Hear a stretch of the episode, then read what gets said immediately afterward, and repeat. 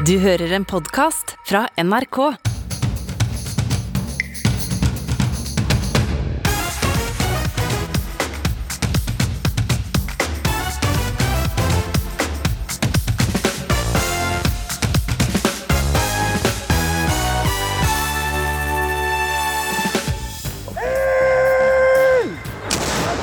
Norske forsvaret har ikke en sjanse mot russerne hvis de skulle angripe oss, mener forsvarsredaktør. Tvert om, sier hærsjefen som kommer til ukeslutt for å forsvare Norge.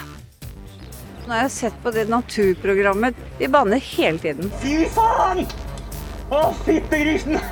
Han sa jeg skal ikke banne på TV, men fy faen. En angrende småbanner, Niklas Baarli fra Farmen, legger seg flat i ukeslutt.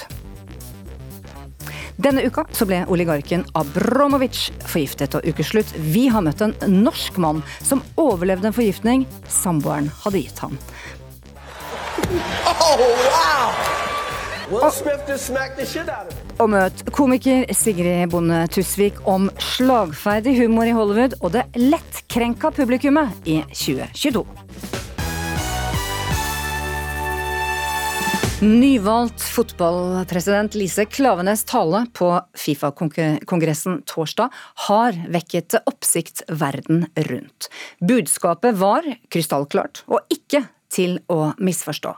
Fifa og VM-arrangørene må jobbe for likestilling i fotballen og bedre arbeidsforholdene til de mange som har bygget VM-stadion i Qatar. There is no room for employers who do not secure the freedom and safety of World Cup workers. No room for leaders that cannot host the women's game. Lise Klavenes, nå er du altså med oss her i Ukeslutt. En tale på seks minutter som du er blitt hyllet for verden over, men som du også har møtt eh, motbør for. Når var det du bestemte deg for budskapet i talen? Dette er jo et vedtak fra tinget vårt i fjor, der eh, medlemmene våre stemte over om vi skulle boikotte VM eller ikke, og landet på at det skulle vi ikke. Men av, en av beslutningene som var tatt, var at president, som ikke var meg på den tiden, men som ble meg, skulle dra til Fifa-kongressen og kritisere Fifa for tildeling av Qatar og oppfølgingen av menneskerettighetssituasjonen. Så det var jo på vegne av våre medlemmer eh, dette her, grasroten, klubbene, medlemmene, supporterne våre, som, som uh, gjorde at vi før jul meldte inn at vi skulle snakke for, uh, for kongressen i Fifa. Og så, så har jeg selvfølgelig òg gjort uh, budskapet litt til, til, noe som jeg kan stå for sjøl, og, og utvidet litt rundt dette med kvinnefotball og likestilling generelt. Du, hvor mange i Fifa visste um, at du skulle gå på talerstolen med dette manuset? Eh, jeg vet ikke antallet, men jeg har selv snakket med Gianni Infantino og sagt at vi skal det. Eh, når han ringte og gratulerte meg for å blitt valgt president, så informerte jeg om at eh, vi har allerede meldt inn taletid, og at vi vil gå på scenen og rette kritikk mot Fifa. Og, til de alle andre jeg har snakket med i Fifa etter at jeg ble valgt, har jeg gitt beskjed om det senest dagen før kongressen. Hva, hva gikk igjennom deg før du renser stemmen da, og ser, fester blikket og ser utover forsamlingen?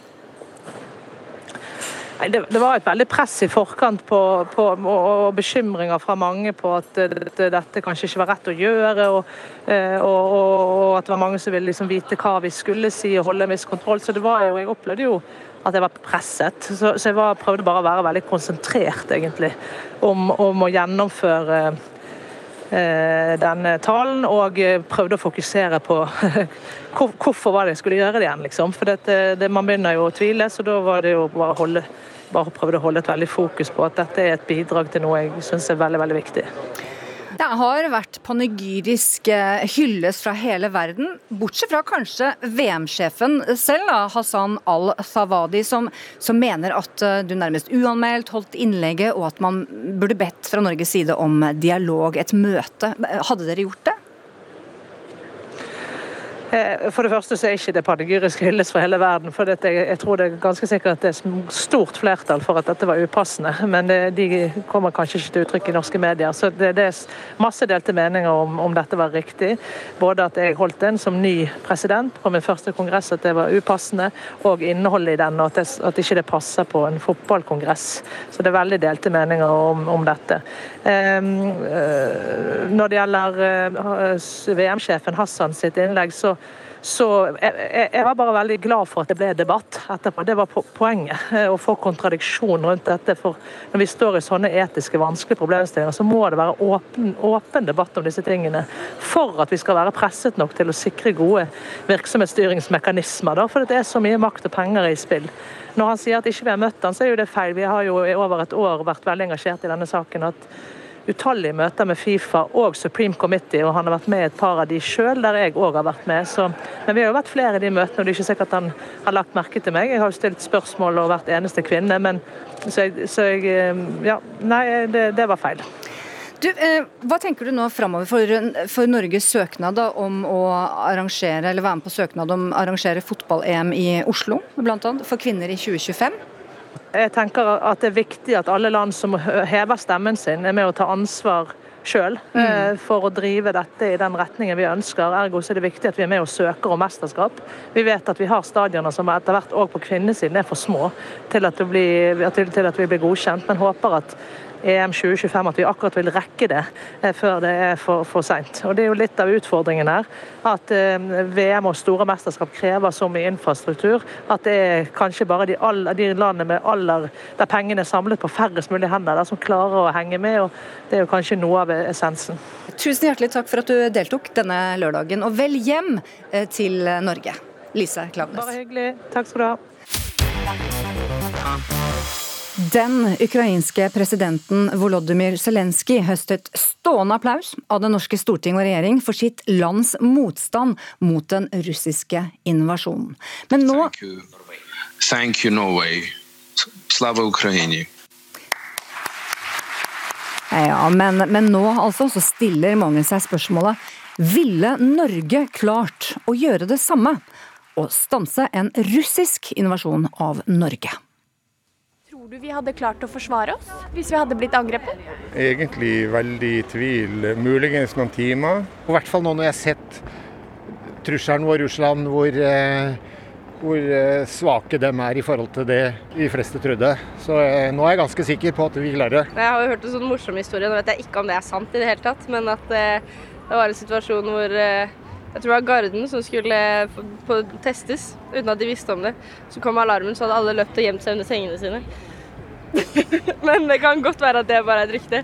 Eh, I så fall så blir jeg litt sånn oi, oi, oi, hvordan skal dette gå? Men eh, vi har jo ikke noen som er kvalifisert bedre enn de til å kunne forsvare landet. Lars Lervik, du er sjef for den norske hæren. Ville Norge klart å stoppe russerne like effektivt som ukrainerne hvis de invaderte Finnmark? Ja, vi, eh, vi både kan og skal klare å stoppe russerne hvis de prøver seg å angripe Norge. Du kunne jo altså, Jeg er liksom litt stressa på det, da. For det, det, snakkes om at det er 9000 soldater du har, da. Og det er jo slik at du nesten kunne samlet alle dine soldater i Oslo Spektrum på en DDE-konsert. Det er ikke mange, det er litt tynt i rekkene, eller? I forhold til den russiske armé på mange hundre tusen mann? Ja, det er jo litt lite i forhold til russisk armé, men samtidig så er det jo også eh, Med resten av Forsvaret så er vi jo noe flere. og Så hadde du ikke fått plass til både folka og utstyret i Spektrum, så vi er nok eh, litt mer enn det det kanskje antallet kan høres ut som. Alle snakker om Finnmark, og forklar oss nå en gang for alle denne lørdagen. Hvorfor skulle russerne ønske å ta Finnmark? For det første, Vi har jo aldri vært i krig med eh, med Russland. Det ønsker vi alle sammen at det skal fortsatt være sånn. Men hvis de skulle gjøre det, så er det på bakgrunn av at de har basene og operasjonsområdet for atomubåtene sine og de andre viktige kapasitetene på Kolaløya. Og For å beskytte de her viktige militære kapasitetene, så kan de da velge å ta, eh, okkupere deler av norsk territorium, f.eks. deler av Finnmark og dermed flytte frem det vi kaller da luftvern og andre systemer for å beskytte seg mot, eh, mot Natos fly og båter og hærstyrker. Du, Vi skal også ha med oss eh, Kjetil Stormark. Du er redaktør for nettstedet Aldri mer, og du er faktisk med oss i dag fra Florida. Det er jeg. Hva tror du, Kjetil Stormark, ville det norske forsvaret klart den jobben, da? Å stanse russerne like effektivt som ukrainerne har gjort? Nei, Da er jeg uenig med Levik. Han må jo selvfølgelig svare det han gjør i den jobben han har. Det har jeg forståelse for. Men jeg ser nok eh, noe mer pessimistisk på eh, muligheten til å stå imot. Eh, det gjør jeg nok. Dette må du utdype. Hvorfor ikke? Altså, vi har jo et vanvittig mye mindre kvantum i forhold til antall hoder og antall soldater enn det Ukraina har. De hadde i slutten av februar ifølge CNN 196 000 soldater og 900 000 reservister. Levik har sånn ca. 9000 eh, i beste fall, eh, hvorav halvparten er, er, inne til førstegangstjeneste. Så får vi da håpe at de er ferdig utlært, og at de, ikke, de er i begynnelsen av opplæringsløpet når sånn eventuelt angriper, hvis det skulle skje. Det er jo fortsatt fryktelig lite i forhold til det vi ser har hatt stor effekt på slagmarken i Ukraina. Kvantum, at du har så mange som slåss, at du selv med relativt hva skal vi si, enkle midler, panservernvåpen bl.a., kan slå ut ganske mye hos motstanderen. Vi må nesten gå til hærsjefen, slik at han får svare på denne kritikken. Hva sier du? Han har jo, eh, Stormark har jo rett i at eh, en av de områdene vi jobber med å styrke, er volumet. Og Hæren er jo tenkt å skulle øke med 50% i løpet av de årene som kommer. Eh, og Det ønsker vi å selvsagt gjøre raskere. Samtidig så er det en vesentlig forskjell da, mellom Norge og Ukraina. Det er jo også at vi er medlem av Nato. og Sånn sett så er det jo ikke bare norske styrker, men vi skal forsvare Norge sammen med våre allierte. Du, jeg må også spørre dere om jeg kan begynne med deg, Kjetil Stormark, Nato. da. Det er jo de vi stoler på her. da, og, og Ville ikke de steppet inn da og stanset denne invasjonen ganske effektivt? Ja, Det har jo på en måte nå, i fall de siste åra, vært en eh, åpen eh, kjensgjerning som man har begynt å diskutere eh, offentlig eh, i forsvarsmiljøet. At det vil faktisk ta minst 30 dager, eh, kanskje 1-2 måneder, før vi kan forvente at en alliert hovedstyrke kommer til Norge for å hjelpe oss.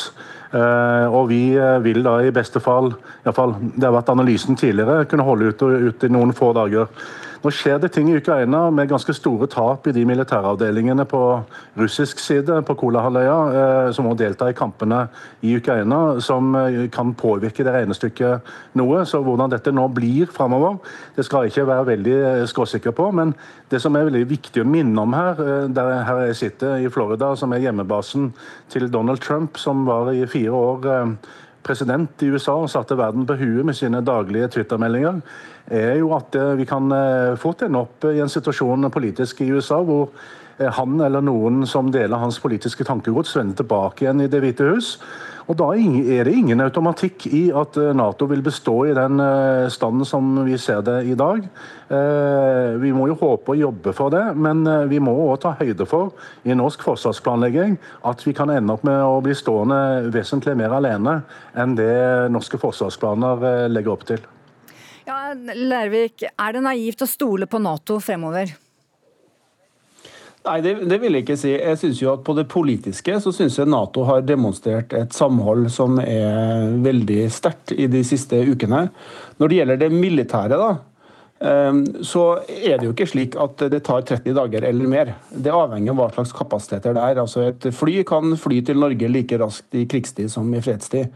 Og Det er også greit å minne om at vi har allierte som trener og øver i Norge. Akkurat nå så er det rundt 20 000 allierte soldater som har vært her og trent i forbindelse med øvelse Cold Response.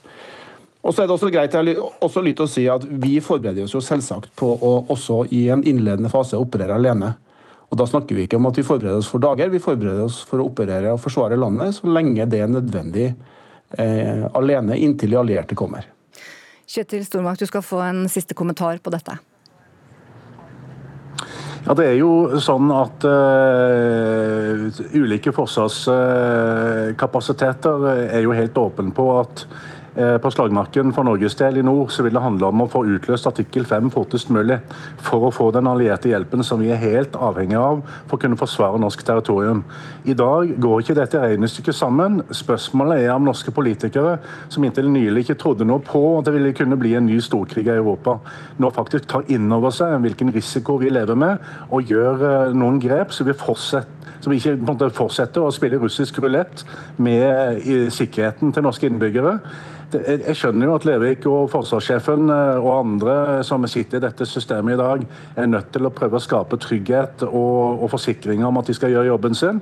Men det er jo en helt åpen kjensgjerning internt i Forsvaret i dag at de har en helt umulig skvis i forhold til de rammene de har fått, og det oppdraget de har. Eh, så jeg er på en måte glad for at vi har folk som Levik og, og hans soldater i Hæren som er villige til å gjøre denne jobben likevel. Men eh, her har norske politikere en jobb å gjøre, og det haster det å ta grep på. Jeg skal love dere at snart eh, så vil vi etter hvert få besøk av Erna Solberg, og det spørsmålet tar vi i Ukeslutt videre på direkten til henne. Men dere, altså for seks uker siden så ville en debatt om norsk forsvarsevne nærmest vært utenkelig her i Ukeslutt. Nå er det dessverre dette mange snakker om rundt om i landet. Og vi takker for at dere tok del i diskusjonen her. Hærsjef Lars Lervik og Kjetil Stormark, redaktør i nettstedet Aldri mer. Går kveld så ble det kjent at skuespilleren har trukket seg fra Academy Awards of Motion Pictures and Arts etter slaget mot komiker Chris Rock under Oscar. Og Skuespillerens videre karriere den står nå på spill, og det som kalles da D-dagen for Will Smith er 18. april, da etterforskningen vil avsløre om han blir ekskludert fra Oscar og eventuelt mister statutten han fikk for sin beste mannlige skuespiller for rollen King Richard. Ukeslutt har bedt Sigrid Bonde Tusvik, kompromissløs komiker og samfunnsdebattant, å forklare det som skjedde. Oh, wow. Will Smith just smacked the shit out of me. It was a G.I. Jane joke. Keep my wife's name out your fucking mouth! I'm going to, okay? Velkommen til ukeslutt, Sigrid. Tusen hjertelig takk. Altså, Vitsen ordrett er Jada, I love you. I can't wait for GI Jane 2. Kan du altså, forklare det norske folk denne lørdagen? Hva er egentlig poenget her? Hva er det han prøver å si i denne vitsen? Dette er jo en klassisk utseendevits uh, som uh, vi komikere tyr til uh, ofte. Men det er jo ikke de smarteste vitsene, det må vi innrømme. Men hun, han refererer jo til Gia Jane. Demi Moore spilte vel en Eh, soldat som klippa håret, og, Jada har jo da eh, helt skinna hår fordi hun har en hårsykdom. Som hun har hatt i flere år, så vidt jeg vet. Mm. Meningene rundt denne eh, vitsen da eh, er delte. Altså Noen mener kudos for å slå et slag for kjerringa di, eller hun burde slått han sjøl, eller Will Smith, du burde tålt såpass i 2022. Så la oss da høre på direkten her og nå. Hva mener du, eh, Sigrid Bonde Tusvik, om Will Smiths reaksjon her? Nei, det er jo, altså Alle vet jo at vold eh, er det dummeste og svakeste man kan utøve. Man kan godt si at eh, altså noen, noen, mister det. Altså Det er lov å miste det, selvfølgelig. Men vold er jo aldri forsvarlig. Du må alltid legge deg flat etterpå. Og du har jo også da dessverre vist at du er kapabel til å slå, og det er jo det som er fælt her. Feministen i deg, da. Burde egentlig ikke Jada ordna opp det her sjøl, eller tatt, tatt, det verbalt og ringt Lise Klavenes og hørt om ikke hun kunne fordi Man ser jo at det er veldig spennende hvordan eh, Will Smith ler først. Og det gjør man jo ofte på en eh, vits som skal eh, gå på bekostning av deg selv. Jada er med en gang oppgitt over dette. Vi vet jo ikke bakteppet. Det kan hende at hun har vært lei seg hele dagen, ikke villet gå på Oscar fordi hun har denne hårsykdommen. Det har vært følelser i sving lenge rundt dette, kanskje. Og det er jo det sikkert òg. Det er jo ikke noe hyggelig å ha en hårsykdom. Så eh, at han forsvarer kona si er jo greit, men det er jo grenseland hvor eh, rasende du skal bli på en så dårlig vits. Det er vel kanskje det vi også, vi komikere, ler mest av. At Chris Rock må også være litt flau over at det var den vitsen han ble slått til på. Og Det er derfor han sikkert ligger litt lavt også, for han har ikke så lyst til å ha oppmerksomhet på vitsen heller. Fordi jeg tenker at han tenker ah, jeg har ikke så lyst til å Det var ikke en god vits. Han sier det jo selv, ja. Eller det var en eh, enkel vits, sier han vel. Men du, ja. vi må også høre For det første så har jo Oscar aldri på de siste 20 årene hatt så mange seere. Så de har jo vunnet, Oscar har jo vunnet på dette slaget også. ja, det er vinn-vinn for alle, bortsett fra Will Smith eh, og Jada. Men så til eh, komikeren, da. Standup-dronninga Sigrid Bonde Tusvik. Du har altså stått på standup-scenen i Norge i snart 20 år. Ikke sammenhengende, da. Men, men, ute i denne salen så sitter jo generasjon krenk, eller woke-generasjonen, som, ja. som, lett føler seg tråkka på. Hva ja. gjør det med deg da som komiker i forhold til hva du sier og tør og kan si i 2022?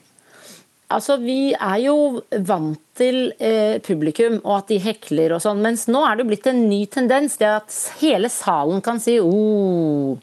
Det var det ikke før. Før så kom man med en eh, frekk vits, og da visste man liksom at ja, ja, jeg har 70% med meg, kanskje 30% blir litt sånn oh, eller og veldig mange. I, I, så fall, så Nordmenn er veldig høflige, så da holdt de helt kjeft og var helt stille. Og da fikk du jo virkelig kjenne på en dårlig eller slem vits. Mens nå, generasjon woke, de sier oh, sier de. Og for de som da ikke hang helt med, det var jo mye engelsk her, woke humor. Bare gi et eksempel på woke-humor. Og, og ja. hva ligger i woo når publikum sier det? Er det noe politisk? Ja, det er for drøyt, rett og slett. Det er eh, at de syns Det er uttalen når du Det er tilbakemeldingen fra publikum når du, når du har gått over grensa. De syns du har gått over grensa. Og da har du jo, eh, det, som Eh, komiker rett til å si nei, kom igjen da.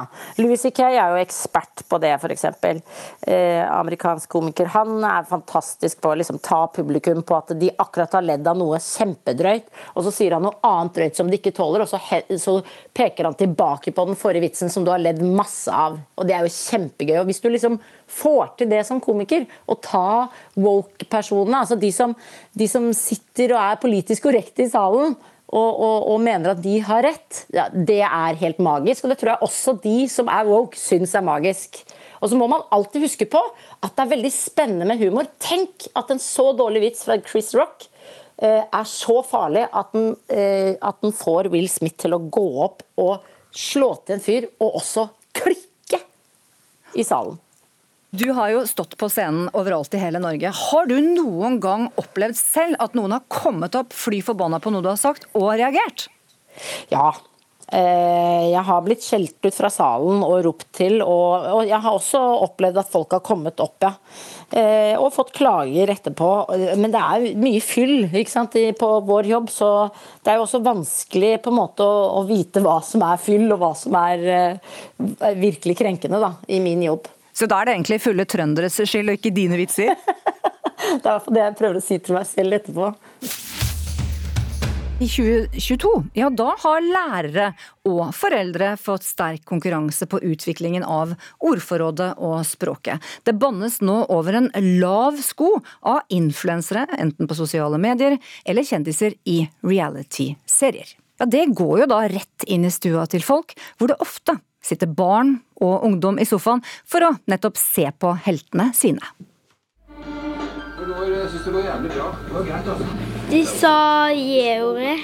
Jævlig. De sa jævlig nå. Men du skal ikke si det for dem? Tenk deg litt logisk, da, for faen. Hun sa faen. De sier tjukk i huet til hverandre. Og hun sa, hun sa helvete og faen. Så piss off! Så piss off, eller hva det var. Ikke aldri i livet det. Var... Bare lukk ørene, Philip. Bannefinger! For en kjendis. Herregud, det her gidder jeg ikke. Dere er fette gale. Nei, nei, nei. Hva er det her for noe? Du, Philip. Kompani Lauritzen. Jeg skal ikke banne på TV for moren min sin skyld, men fy faen! Å, fittegrisen! Han sa jeg skal ikke banne på TV, men fy faen. Da gjorde han det, da? Ja, da banna han. Han sa fy faen likevel. Når de sier så mange stygge ord, hva syns du, syns du de skal få en straff for det? Ja, burde kanskje få husarrest i tolv uker etter det der. Husarrest, ja. Og noe annet? Miste telefonen. At de ikke får lov til å bruke telefonen. At de mister telefonen en hel uke? Ja. For du bruker jo å miste iPaden hvis du banner. Ja. Men du må, ikke, du må ikke si noe av det du hørte? Nei, jeg skal ikke si noe annet Banner jo en pissoffs. Din ramp? Piss-offs. Nei! Søren, jeg skal ikke se TV med deg igjen.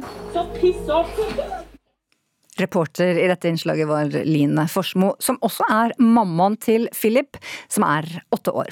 Og hun har altså etter dette innslaget brukt flere dager på å forsøke å avkode uh, Philip, da, etter alle nye banneord han har blitt uh, introdusert for, så det beklager vi sterkt.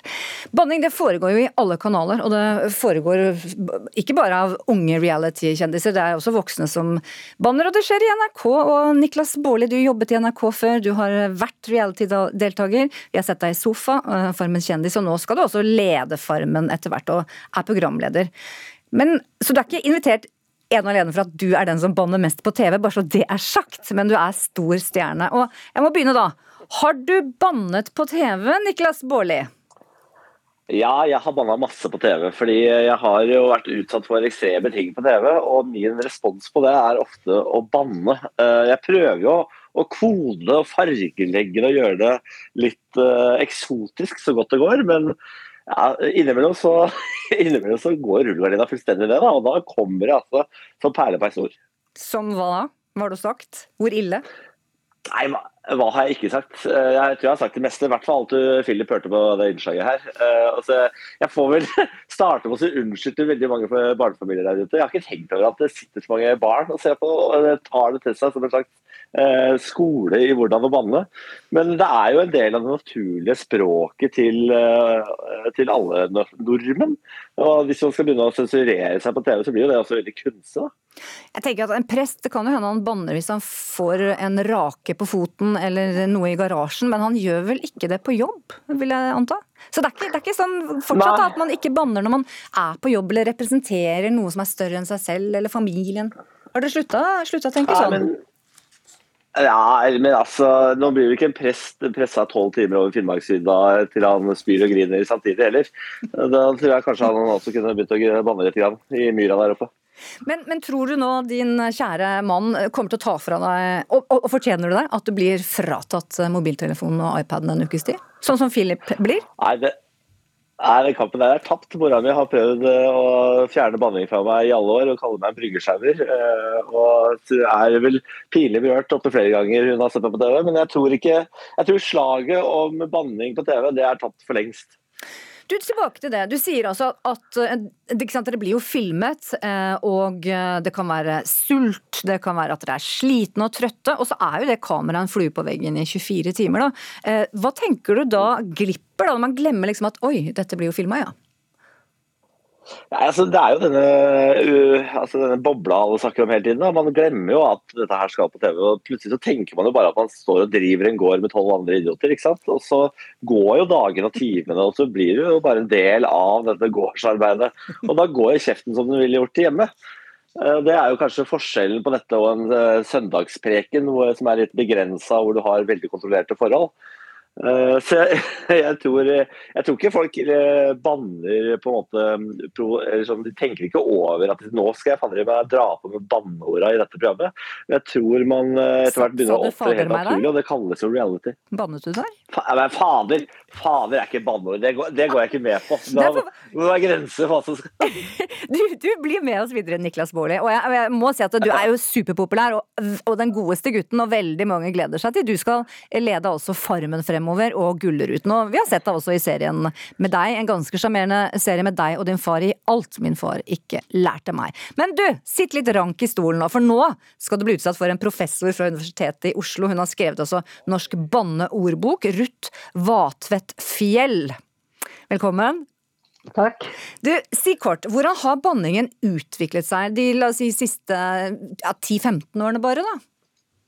De siste 10-15 årene så har nok banningen gått veldig vekk fra alle de religiøse, religiøst baserte banneorda over til eh, det som har med sex å gjøre, og det som har med fekale ting å gjøre, altså avføring og sånt noe.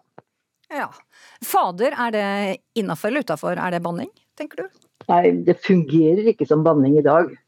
Det gjør ikke det. Men det var jo det for 50 år siden, kanskje. Det går ikke så fort, så 10-15 år kan vi ikke si så mye endring på, men på 50 år så kan vi tydelig se det. Du, jeg tror det er veldig mange, Vi hørte det også litt i innslaget før her, eh, før, før, den unge Philip, da, at noen syns det er veldig merkelig. Altså Man sender reality-deltakere inn i Norges vakreste natur. De klatrer seg opp, står på Galdhøpiggen, og når man da skal beskrive utsikten, den vakre naturen, så er det jo ikke akkurat Ibsen eller Bjørnstjerne Bjørnson som kommer eh, seilende. Det er, vi måtte ha pipa åtte til ti ganger da, for, for hvor mye bannskap som kommer ut. Hva sier det? Altså, Hvorfor bruker man banneord for å beskrive da noe vakkert eller stygt? Man bruker banneord for å markere at man har sterke følelser. Og det kan være negative følelser, og det kan være positive følelser. Og det er også for å tiltrekke seg oppmerksomhet. Og det, når man er på fjernsyn, så er jo ofte det å tiltrekke seg oppmerksomheten en viktig side ved det. Men du satt på trikken, fortalte du for et par dager siden, eh, og overhørte to jenter som akkurat satt og scrollet nedover da på mobilen for å se Mm. på bilder. Fortell hva som skjedde. Ja, de satt og så dritfint, dritfint, jævla stygt, dritfint, dritfint. Som satt og kategoriserte bilder av seg sjøl. Så um, det er mye av det. Men jeg satt og hørte på, uh, på Nytt på Nytt i går. Og der sier Pernille Sørensen dritdigg, f.eks. Drittdigg? Altså, jeg tror, oh, dritdigg, altså, jeg tror ikke hun merka sjøl at hun brukte et egentlig banneord. Ja, det- det skjer på NRK. òg. ja, på NRK hele tiden. Og jeg fulgte med både på, på Nytt på Nytt i går og på Lindmo. Med jevne mellomrom så kom det fucka og fader i meg og kødde og herregud og drite og grisebanke. Alle de ordene har jeg fra de egentlig familieprogrammene, da, eller i hvert fall sånne stuereine programmer. Så alle bruker disse ordene. Det betyr jo egentlig at de ikke lenger har noen bannekraft. Det er ikke uttrykk for sterke negative følelser, i hvert fall. Det er mer for å være litt kul. For å være litt dritkul. Det er jo litt pussig at man bruker dette med avføring, som jo er noe negativt og ekkelt. At man bruker det som å forsterke det som er fint. Det bruker ikke Niklas Baarli. Han er dritkul, men så langt går ikke du. Jeg kan, jeg kan bruke drit. Jeg, jeg tenker du modererer meg litt når jeg sier ting er dritdigg. Og når jeg sier fader, så tenker jeg sånn Nå er jeg flink, så sa jeg ikke faen. Så jeg, jeg er jo litt stolt av meg sjøl. Jeg liksom uh, modererer meg på den måten. Men nå skjønner jeg at ja, det burde jeg på ingen måte være. Det er det du skal gjøre nå. Det er jo fordi normene har endra seg, så jeg syns ikke det er så forferdelig. Men sånn, altså, det Hva som er lov og ikke lov, eller pent og stygt, det er jo relativt. Det forandrer seg med, etter hvert som kulturen endrer seg. Og, og det har, jeg sitter akkurat nå og leser en beskrivelse av banningen fra den klassiske tiden i Hellas og fram til vår tid. Og det har jo skjedd veldig store endringer. Men det som har holdt seg som banning, og som negativt, det er dette med det fekale, altså med avføring og urin og sånt noe. Det, det brukes det har, det har man brukt jevnt hele tiden. Men man bruker disse religiøse som far i himmelen eller Jesus, Jesus har jo blitt den moderne norske bruker av det. Det er bare uttrykk for en eller annen irritasjon eller en følelse. Rett og slett, Det kan også være 'Jesus, så vakker du var i dag'. liksom. Så man kan bruke det både positivt og negativt. Og det er ikke banning. Hvis vi skal banne i dag, så går vi over til det seksuelle. Og det er, eh, det er to ting ved det seksuelle. Det er eh, rett og slett å nevne nevne betegnelser på, særlig på kvinnenes kjønnsorganer. Det er, det er mye brukt. Um, og gjerne i sammenheng som fittesvin eller fittetryne. Og det med fittetryne syns jeg er interessant, fordi at det går på utseendet. Og dere snakka jo akkurat om den saken med han Will Smith som ble så sint. Han ble jo så sint for noen sa noe om utseendet til kona, og han til og med banna. Keep my wife's name out of your fucking mouth, sa. Men det er ingen som har reagert på at han sa fucking. Det er, men det er jo egentlig banninga. Nå lurte jeg litt, Ruth Vatvedt Fjellen, har du tatt noe energy-drikk? For på slutten av intervjuet her nå så har det tatt en utvikling og en retning jeg ikke liker. Jeg liker ikke dette. Nei, for nå snakker jeg om det som er dagens spanning, ikke sant. ja, ja. ja. Og skal vi snakke om det, så må vi jo nødt til å nevne orda, så folk skjønner hva det dreier seg om. Men det er det som er den egentlige banninga i dag. Den egentlig tabuiserte banninga. Ja, og så tror jeg nå med det du sa, så har folk faktisk denne lørdagen lært 30 nye banneord. Og det var ikke helt meninga! Niklas Baarli, du skal ut på tur i skogen. Og eh, finn deg en liten sitteplass og en liten tue og sett deg litt i skammekroken. Det er på vegne av alle ungdom eh, reality-deltakere på TV. Takk skal dere ha! Tidligere så har andre av Putins rivaler blitt forgiftet og drept.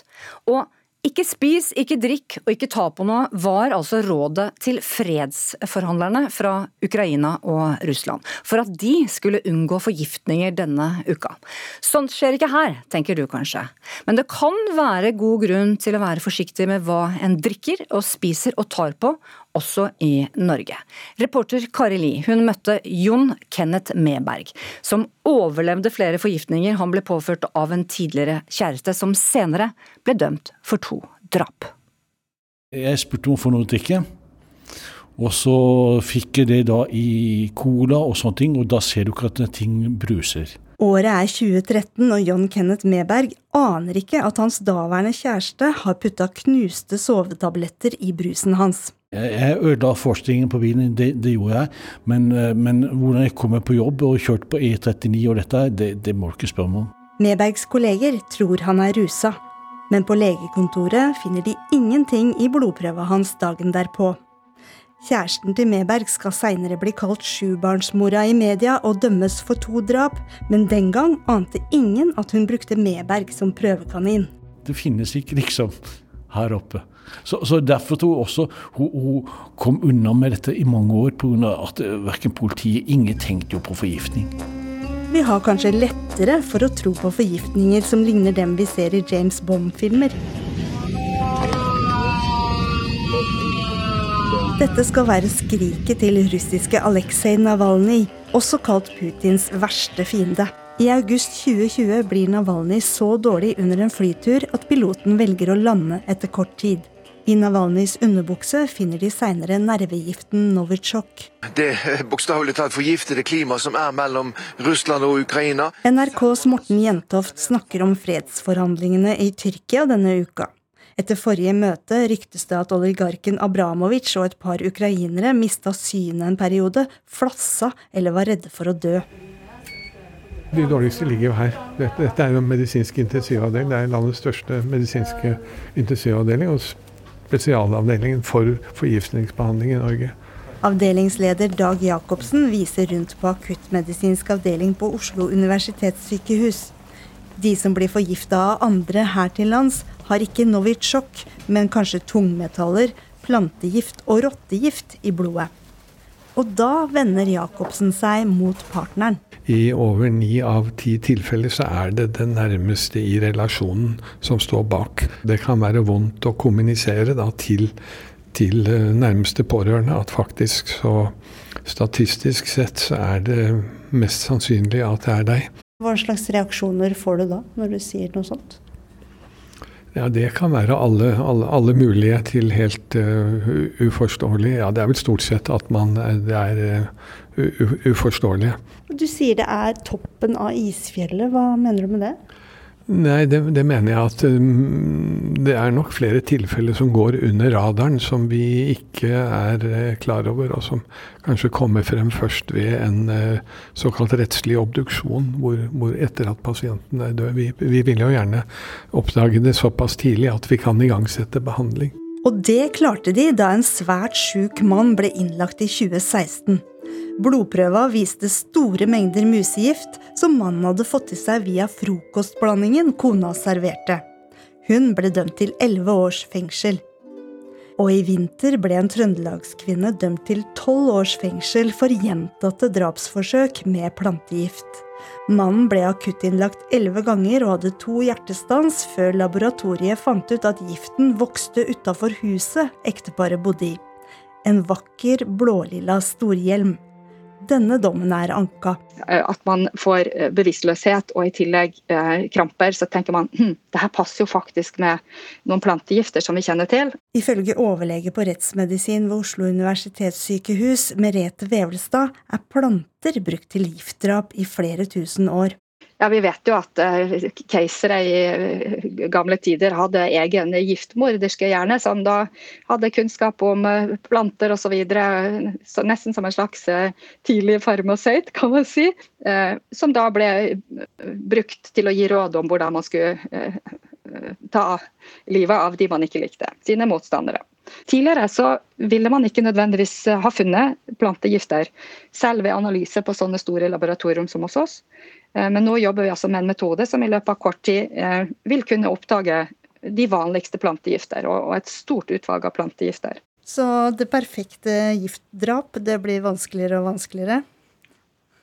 Det gjør det. Vil du ha noe å drikke? Ja takk. Du tør det, altså? Jeg stoler på deg. John Kenneth Meberg blir dopa ned tre ganger av kjæresten. Den siste gangen, i 2014, er det gått ett år siden første dose. Tor er satt ute og drakk dette der, og eh, bekka ut med en gang.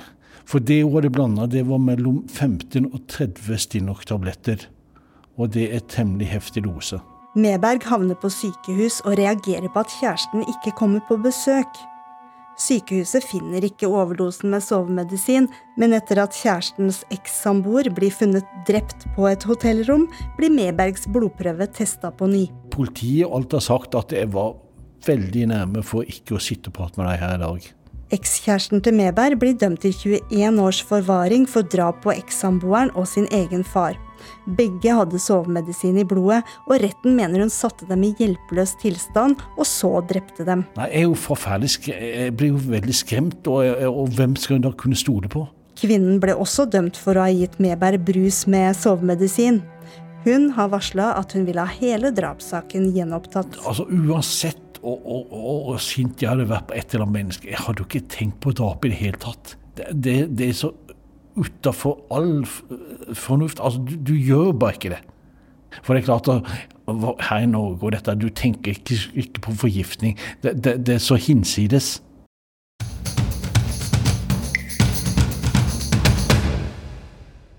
Klart, da er det klart for en nyhetsoppdatering her på NRK P1 Tone Nordahl. Og mannen som er siktet for å ha voldtatt en ukrainsk flyktning, er nå fengslet.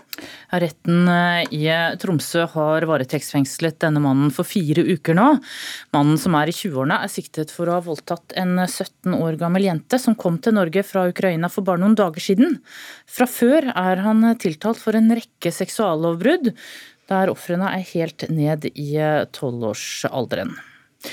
I Ukraina skal Røde Kors på nytt forsøke å evakuere folk fra havnebyen Mariupol i dag. Det er fremdeles rundt 100 000 sivile inne i denne byen som har blitt utsatt for russiske angrep lenge nå. Forholdene i byen er veldig vanskelige. Folk har bl.a. ikke strøm eller varme, nok mat eller helsehjelp. Mange er såret og drept i eh, russiske angrep, og det har vært gjort en rekke forsøk på å få ut sivile. Og i dag prøver altså Røde Kors på nytt. Og så til hjemlige forhold igjen. Senterpartiet har fått et varsel om forsvarsminister Odd Roger Enoksen. Og hva handler dette om? Ja, Det er tidligere Senterpartipolitiker Hilde Lengali som har levert inn et formelt varsel mot eh, forsvarsministeren. altså. Varselet handler bl.a. om uønsket seksuell oppmerksomhet. Hun har varslet om to ulike hendelser som ligger 20 år eh, tilbake i tid, og vel så det. Enoksen sier han ikke husker den ene hendelsen, den andre har han beklaget, selv om han sier at han husker den annerledes enn eh, Lengali. Og Senterpartiet skal nå behandle dette varselet, så får vi se hva det fører til. Takk for denne nyhetsoppdateringen, Tone Nordahl. Og vi skal etter hvert ta turen til Høyres landsmøte på Gardermoen, hvor altså Erna igjen denne lørdagen er stjerna, med 7% ledelse på Arbeiderpartiet i ryggen. Men før det så skal du altså få møte komikerne Rune Andersen og Espen Beranek Holm. Og det skal endelig igjen altså bli duket for en og annen parodi av landets politikere og nye statsråder. Vi i Senterpartiet vi syntes at alle i hele Norge sa hadde innmari bra i natt. Det var det gøy. Hva er vel egentlig vakrere og deiligere enn vår dag, og fordele den med to herrer? som har altså kommet på besøk til ukeslutt, og som man egentlig har savna dere. Det tror jeg sier på vegne av veldig mange. Det er altså eh, komikere og eh, politisk satiremenn. Espen Beranek Holm, vær så god, og velkommen. Og Rune Andersen. The one and only. Du, dere kommer. Jeg syns dere ser flotte og fine ut, for dere er raske som har kommet rett fra premiere i går kveld på Latter. Ja, vi hadde premiere på, på Latter i går, ja. På forestillingen vår Gullalderen. Ja. Eh, og det var eh, heldigvis stor stemning og mye løyer. Så ja. Og så deilig å se masse folk igjen. Ja, veldig deilig. Åh, Hovedstaden er bra. Det er et bra sted å ha show, eller? Ja, veldig, Oslo. veldig, veldig koselig. Ja. Du, eh, vi skal etter hvert eh, Nå sitter sikkert norske politikere litt sånn ytterst på stolen her. For at når dere er in the house på NRK, så vet politikerne at det kan bli parodier. Og jeg vet ikke, Det har de vel et elsk og hat-forhold til, eller? Eller er det bare en ære? Eh, Det er jo ikke bare nære, det er jo bare tull og tøys. Selvfølgelig kan nok det være en pest og en plage, men forhåpentligvis har, gjør vi det såpass ryddig at eh, de nok kan eh, humre litt av det også. Men du, Hvor lenge har dere holdt på? Hvor mange karakterer, altså politikere, regjeringer, sitter inni dere? Altså totalt Nei, sett, det, er ikke, det, det er ikke godt å si å tallfeste det der, fordi at det endrer seg jo med virkeligheten. Altså, det er, vi forsøker jo på en måte ikke Det er jo ikke, det er jo ikke et, eh, et kvantitetsspørsmål, egentlig. Vi forsøker jo bare å, å speile virkeligheten rundt oss, og da må man ta det som er aktuelt, da. Mm. Rett og slett. Og det er det vi skal eh, høre litt om nå, da. For showet heter Gullalderen på Latter. Men eh, mange kjenner dere jo også fra årevis her fra NRK i Hallo i uken, hvor dere satte gullstandarden. Jeg syns jeg var sånn gullalderen, gullstandard, ja, det blir ikke bedre! Kaching på, på, dokten her på Nytt på Nytt, så hadde det blitt sånn kaching, kaching. Um, og det har vært regjeringsskifte. Og da lurer vi jo veldig på nå. Hvem er det der ute? Kom igjen, gutter! Som kan vente seg en parodi av nye statsråder og nye fjes. Ja, nei, det, ja, eh, det er jo eh, Altså for, for oss i, i Arbeiderpartiet som statsminister, syns jeg det er eh, det aller, aller viktigste for meg er at nå er det vanlig folks tur eh, til å ta regningen, vil jeg si. Det, det, er, eh, det er harde tider. Vi, vi, arvet, eh, vi arvet en pandemi av den forrige regjeringen, men eh, vi arvet dessverre ikke deg, eh, Bent Høie.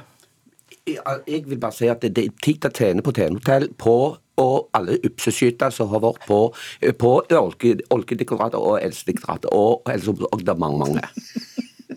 Han er jo blitt litt parkert, tenker jeg. Altså, Bent Høie, det er litt trist. Var jo, det var jo ingen, ingen vi hørte mer av, liksom, i, i, på Nei, scenen. Det var jo fryktelig, det var jo glansnummeret vårt, vet du. Men så heldigvis så dukka jo eh, Stoltenberg og Biden opp på pressekonferanse. Og da ble det jo litt mer liv i, liv i luren. Når du får sånn Altså, General Secretary of NATO Alliance uh, uh, I would say that we stand behind the Ukrainian people and uh, and very far behind them, actually. And we have strong allies. Uh, blant annet, uh, altså, among, uh, also we have the President of the United States of America, Joe Biden. Uh. Good morning. Good evening. Whatever. yeah. We're standing behind NATO. Make no mistake. Thank you, Mr. President. Altså, den sitter jo som ei kule. Og jeg, og jeg la merke til når du gjør Jens, for det har jeg faktisk reagert litt på selv når jeg har sett den på TV. Han har et lite sånn hopp. Har en sånn gutteaktig, pjokkaktig hopp. Han, er så ivrig. Han er ivrig, han er framoverlent hele tida. Og han har masse flott og nikker og kneiser med hodet. Og jeg understreker virker voldsomt det han har, vil, vil framover. Ja, så det vil anta at Han er jo en som da er veldig enkel kanskje da å karikere og parodiere. Men hva med f.eks. Mehl, justisministeren? Hun er jo veldig synlig i media nå, både i Kompani Lauritzen og i, på pressekonferanse. Men er hun eventuelt like lett å ta, da? Nei, fryktelig vanskelig. Fryktelig vanskelig, ja. Det- Det er noe som skjer med uh, politikere som blir veldig godt drilla og, og trent. og De er så medietrente at de blir grå og usynlige. Så vi takker jo vår skaper for, uh, for uh, Audun Lysbakken og Trygve Slagsvold Vedum. og eh, Vi er glad i Erna òg, vi. Ja. Ja, er, vi, skal, vi skal prøve nå etter hvert. Hun, hun har lovet at hun skal være med oss fra eh, Høyres landsstyremøte. eh, landsmøte, men ikke styremøte. Det hadde vært litt rødt. Eh, landsmøte ute på Gardermoen ganske så snart, Mm. vi får en liten tett-a-tett med dere. Og Erna kan møte Erna. Men, men eh, Abid Raja, for eksempel. Veldig synlig. Også på sidelinja. Ja, men han, han klarer jo aldri helt å, å, å ti stille. Så han trenger seg så vidt innpå fremdeles. Altså, hvis, jeg, hvis jeg kan få lov å si noe her, og det kan jeg, for jeg har tross alt vært kulturminister før, da. Eh, og det er veldig vanskelig for meg å ikke si noe, så vil jeg si at jeg er veldig stolt av å være norsk. Eh, og det, tror jeg, det syns jeg dere også skal være. Veldig stolt over at jeg er norsk. Eh, og så vet jeg ikke om du, eh, om, om du kjenner eh, Tom Cruise. Men det er jeg. Jeg har forresten et bilde av han her sammen med meg. Han har på munnbind, da, men du ser at det er han, men det er jeg som står ved siden av. så du ikke ser. Du vet hva, Jeg har fått noe hvite på øret nå, det derfor jeg ble litt oppspilt. Det er det at Erna Solberg hun gjør seg noe klar til å være med ukeslutt etter neste låt. Så jeg må bare spørre dere før vi da får et møte med hvor Erna møter Erna. Hvordan eh, ville hun eh, blitt hilst fra seg selv, sitt alter ego? Ja, hun vil vel hilse på en vanlig dannet og høflig måte. Eh, og eh, selvfølgelig eh, skal vi holde oss til, til den eh, kjøreplanen som, som hun selv har lagt opp. Som dere hører i bakgrunnen nå, så er det en stor stjerne i byen. I hvert fall denne lørdagen. Som har litt å feire, i hvert fall. Erna er stjerne, har det runget ut på Gardermoen. Jeg vet ikke om vi har noe lyd på det, men det er i grunnen bare for Høyre å pakke ut gamle kulepenner og ballonger med Erna stjerna på, som har ligget på lager. For Høyres slagord, som er 'Vi tror på Norge', ja, det beviser nordmenn nå. De tror på Høyre og Erna og de borgerlige igjen. På en måling før helgen så er altså Høyre nok en gang landets største parti. 27,3% nesten 7% større enn Arbeiderpartiet. Erna Solberg, partileder i Høyre, du er med oss nå fra Gardermoen. Det er god stemning hos dere nå? Ja da, det er god stemning. Samtidig så er det jo en det stor glede over bare å få lov å være sammen. Det er jo sånn at uh, Nå har vi hatt to år hvor vi ikke har kunnet vært sammen på et landsmøte eller på store samlinger. Så jeg tror folk syns det er veldig deilig å få lov å komme sammen, snakke sammen og diskutere politikk. Jeg hører du er litt forkjøla? Ja, jeg fikk Det er jo sånn, vet du, rett før noe stort skal skje, så er jo ofte da du blir syk. Så jeg fikk en liten influensakule her i midt i uken. Ja, Men du står på. Og du, Erna Solberg, som jeg sa, 27,3% nesten 7 også er partiet ditt større enn Arbeiderpartiet. Du skal få lov til, det er ikke ofte du får det, men du skal få lov i ukeslutt denne lørdagen å komme med din egen politiske analyse. Hvorfor tror du Høyre nå går frem? Ja, jeg syns jo det er vanskelig, men jeg tror jo at uh, man nå måler den forrige regjeringen opp mot denne regjeringen, og syns kanskje at den forrige regjeringen ikke gjorde det så dårlig likevel.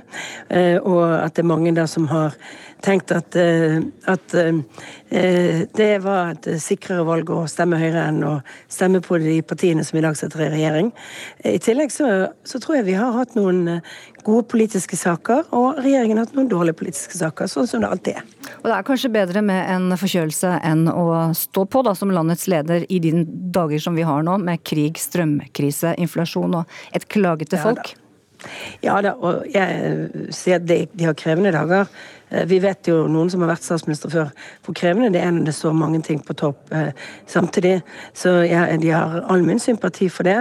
Men samtidig så er det jo da en del saker hvor det var enkle løsninger som ble presentert for valget, og hvor det nå eh, da vist seg at det det ikke er så enkelt å gjennomføre. Du, du har møtt Putin. Mm. Hvordan var han? Jeg opplevde han som ganske beregnende. Altså at han var kalkulerende på hvem jeg var og hva jeg mente. Ehm, det er ehm, sånn når vi hadde møte, eh, så han prøvde seg liksom på å finne ut eh, litt av det. Ehm, eh, og i og for seg en, en Jeg vil ikke si hyggelig Eh, smalltalkende fyr, men, eh, eh, men i og for seg respektfull person når du møtte han som, sånn som jeg møtte han. Men du sa altså i talen din i dag på talerstolen på Høyres landsstyremøte at verden må aldri stole på Russlands president Vladimir Putin igjen. Så hvordan tenker du da skal Norge forholde seg til Russland i framtiden etter at denne krigen er over? Vi skal forholde oss til at vi har et naboland som er totalitært styrt. At vi har et naboland som har en president som har brutt sine internasjonale forpliktelser, sine internasjonale løfter. De, altså, Russland garanterte for Ukrainas grenser i 1994. Da ga Ukraina fra seg sine atomvåpen eh, under, under eh, garantien rundt det. Eh, så vi må forholde oss til det. Og så må vi ha et samarbeid med Russland på områder hvor det er naturlig for oss å ha eh, et eh, praktisk samarbeid som vi gjør rundt forvaltningen av fiskeriressursene våre. Eh, og redningsarbeid i nord. Vi er felles i de områdene. Men vi må ikke være blind for at et normalt sivilsamfunnssamarbeid er ikke å samarbeide mellom to sivile samfunn. Det er å samarbeide mellom et sivilsamfunn i Norge og et totalitært samfunn i Russland. Helt til slutt der, så må jeg også spørre. Eh, mange nordmenn er bekymra og redde. Er, er Erna Solberg engstelig i disse dager? Nei, jeg er ikke engstelig for Norge, for det er ingenting som tyder på at vi er særlig truet. Eller, eller det faktumet at, at, vi er jo faktisk Nato-medlemmer. Det er den aller viktigste og største garantien for vår fred og sikkerhet. Den største gaven, sa du nesten. Ja. Det var det jeg hørte du sa. Du. Erna Solberg, landsmøte. Jeg, jeg, sa kanskje landsstyremøte, jeg ble så ivrig her. Landsmøte er det du er på utover videre i løpet av dagen. Men kan du bare, i studio her så har vi også Norges fremste politiske satirikere og komikere Espen Beranek Holm og Rune Andersen og Erna Solberg, eh, aliaset ditt. Vil du bare si hei til deg selv? Hei, Erna. Tusen takk for sist. Jeg vet ikke om du kan huske det. Var det kommunalminister. Eh, og jeg tiltalte deg allerede den gangen, i 2004 eller var det 5, eh, som kommende statsminister. Og det stemte jo. Ja da, men du vet at selvinnsikten min var jo stor, sant? Ja. Absolutt. Ja, selv om den var i to forskjellige former. Ja, begge to regner jeg med at at disse damene skal ta seg et stort glass rødvin i kveld. Det er også bra mot forkjølelse. Det er bra. Ja, vi, vi er Yes. begge forkjølet, så det, Ja. det, den tar vi sammen. Ja. Men det må være rødvin, da. Ja, det skal være rødvin. Hils til de andre. Kos dere i kveld. Vi Ha skal det nå, ha det. Vi skal nå eh, gjøre som man alltid gjør når det har vært eh, landsmøter på de største partiene. Da eh, pleier de polit politiske partiene eh, å innhente, eller vi da i media, innhente fra de reaksjoner eh, fra andre politiske partier. Men i dag så skal vi gjøre en aldri så liten vri. Så Espen Beranek Holm og mine damer og herrer, Rune Andersen. Eh, hvordan tror dere at eh, disse reaksjonene ville blitt etter Erna Solbergs tale til landsmøtet i dag? Takk for at du spør oss. Eh, Vi er jo eksper eksperter på området. Dette følger jo en fast liturgi. Først reagerer motstanderne, så svarer Erna, og så går det slag i slag. Og alle prøver å flagge sine egne politiske løsninger. Eh, Ikke sant, Jonas Gahr Støre? Uh, ja, det med løsninger skal jeg komme tilbake til. Uh, men la meg aller først uh, få si at for oss i Arbeiderpartiet så er velstand for alle det aller viktigste. Mitt poeng er at vi kan ikke love det, men vi lover å ha det som målsetting. Vi skal i hvert fall prøve å love å ha det som målsetting. Nå har det så en gang sånn at det, det, det er ikke nok å si velstand. Eh, Man må gjøre det også. For meg som tidligere statsminister, så må jeg si at den rød-grønne regjeringen bruker fryktelig lang tid på å gjøre alt det vi skulle ha gjort. Erna, vet du, du veit like godt som meg, vet du, sånn i hele Senterpartiet, vet du, så veit vi at folk omkring i hele Norge ønsker å, å ha det bra, ikke sant? Det, det er sånn som det var før, sånn som i 2019 for eksempel, da var, da var alt mye billigere. Og da kan vi altså bare vite at det er 2019. Så hvis det går bra, så tar vi 2018, og da var du i ditt ess, Sylvi Listhaug.